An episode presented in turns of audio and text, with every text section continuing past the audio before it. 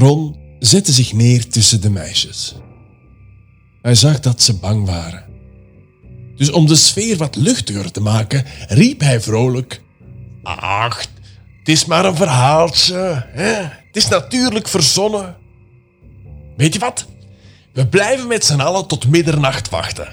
Om te luisteren naar belletjes. Komen er geen? Dan lachen we ons een kriek met al die lulkoek. En horen we er wel? Dan maken we dat we hier weg zijn. Wat denk je? Deal? De meisjes zagen dit wel zitten. Een beetje avontuur kan wel. En dan wisten ze ook wat te vertellen aan de rest van de groep.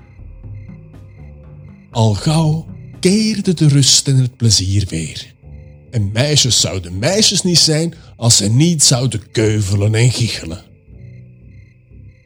Ron was opgelucht dat hij die vervelende man uit hun hoofd had gepraat. Om vijf voor twaalf riep hij de meisjes ter orde. Het was bijna zover. Het uur van de spoken. Het werd plots weer wat stiller. Ach ja, dacht Ron, een beetje spanning kan geen kwaad. Kom, zei hij, laten we in een kring gaan staan en mekaars handen vasthouden. Tijd voor vijf minuten griezelen. Het enthousiasme van Ron hielp iedereen overeind. Een paar minuten later pas, ja, er waren toch wel wat meisjes die niet meteen durfden, stonden ze plechtig in de kring.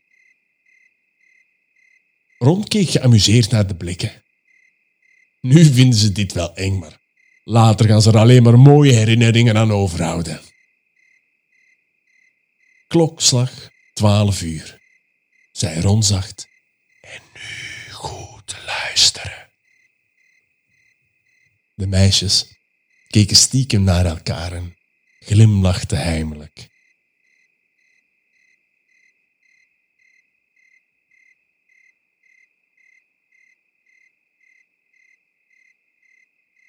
Een paar minuten later, toen Ron het ritueel wou afsluiten, merkte hij op dat al zijn jonggidsen erg geconcentreerd in zichzelf gekeerd waren. Ze staarden naar het middelpunt van de kring. En dan beleefde Ron het engste moment uit zijn leven. De veertien strenge blikken richtten zich op exact hetzelfde moment naar hem. Wow, Jesus, meiden. Doe me daar nooit meer aan. Hoe creepy was dat? Kom, kom, de, de, de show is voorbij. Hè? We hebben niks gehoord, dus we lachen er maar best mee, oké?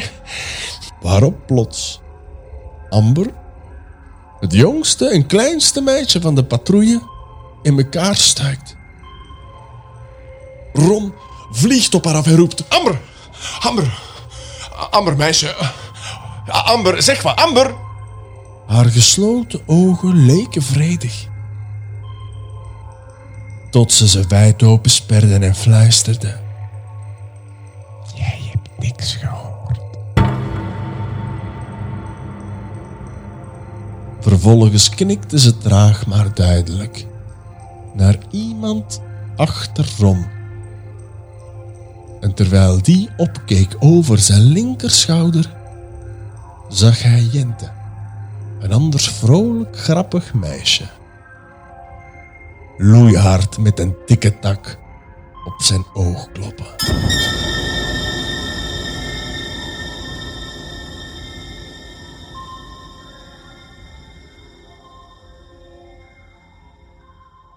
En toen werd ik wakker.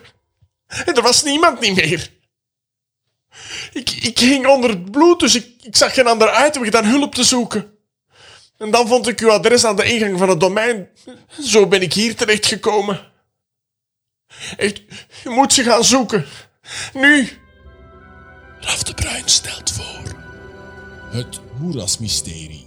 Twee uur later bleek de boel wel in lichterlaaien aan de rand van het natuurdomein. Het versmelten van de blauwe zwaailichten, het schijnsel van de zaklampen en de dramatische fakkels deed zelfs op dit late uur buurtbewoners in kamerjassen naar buiten komen. Onder leiding van de veldwachter werd er afgesproken om het gebied uit te kammen vanuit de verschillende ingangen. Iedereen kreeg aan de hand van een plattegrond duidelijke aanwijzingen over de gevaren van moerassen en drijfzand. Een eerste verkenning langs de grenzen van het Bargerveen was tevergeefs. Dus om exact drie uur begonnen ze het gebied uit te kammen. De zoekhonden op kop snuffelden zich door de mistige plassen. De vier groepen kwamen elkaar traag tegemoet naar het middelste punt van het natuurdomein. Minutenlang bleef het muisstil. De seconden gleden tergend traag voorbij. Hoe langer het duurde, hoe kleiner de kans werd dat ze alle veertien veilig en wel werden teruggevonden. Voor Ron, die op de rand van de ambulance wachtte, waren het ondraaglijke minuten. Hij was tenslotte verantwoordelijk voor hen. Tot overmaat van ramp bleek de pers ook paraat. Een reporter ter plaatse had kunnen achterhalen wat er gaande was en wilde duidelijk de primeur voor zijn krant. Hij liep op Ron af. U bent verantwoordelijk voor de meisjes. Wat is uw reactie? Had u dit eigenlijk kunnen voorkomen? Bent u eigenlijk wel opgeleid om voor kinderen te zorgen? Ron riep. Laat me met rust. Laat me met rust. Geen commentaar. Gelukkig duwde zijn verpleger hem in de ambulance en smeet de deuren dicht. De pers bleef op de deuren en wanden van de ziekenwagen kloppen. Ron was volledig in paniek. Hij perste zijn ogen en oren dicht. Wanneer zou deze nachtmerrie stoppen? Uiteindelijk kwam de politie de pers aanmanen tot absolute stilte. Het was immers van levensbelang dat de zoekbrigade de oren kon richten naar de kinderen. De groep van de veldwachter vertrok vanuit de plaats waar de kinderen en hun leideren zouden overnachten. Door de opstijgende mist was het erg moeilijk om ver te kunnen kijken. Zelfs het licht van de zaklampen leek er tegenaan te botsen. Alle hoop lag bij de zoekhond. De veldwachter had hier geen goed gevoel bij. Het drijfzand is zo gevaarlijk. Er is één gouden regel. Als je erin belandt, mag je niet bewegen. Maar laat dat nu juist zijn wat een mens en zeker een kind in paniek dreigt te doen. Zich met alle kracht er proberen uit te worstelen. Maar wie worstelt, is een vogel voor de kat. Wie worstelt, zakt er volledig in.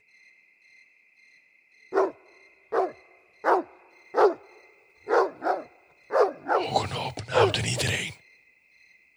We zijn niet ver af meer. Hallo? Is hier iemand? Wij zijn van de politie. Hallo? Hallo? De hond begon luider en luider te blaffen en te trekken aan de leiband. En dan zagen ze het. Het beeld dat zij nooit meer zouden vergeten. Het beeld dat nooit bekend zou gemaakt worden. Dit zou leiden tot een ongekende paniek. Voor hen lag een poel zo groot als een tennisveld. Omgeven rond de poel stonden veertien meisjes op gelijke afstand van elkaar. Bewegingsloos, ogen gericht op het middelpunt. Eén stap verder en ze stonden in het moeras. De veldwachter en zijn kompanen spraken de kinderen aan en probeerden contact te maken, maar ze bleven staan als wassen beelden. De hulpverleners besloten om de meisjes tegelijkertijd weg te trekken van de poel en veilig af te voeren uit het domein. Pas wanneer ze met voldoende hulpverleners waren, positioneerden ze zich in duo per kind. Op signaal van de veldwachter werden ze voorzichtig meegenomen. De kinderen boden geen weerwerk en lieten zich leiden door de hulpverleners. Ze hielden hun blik echter op oneindig. Raf de Bruin stelt voor het Moerasmysterie.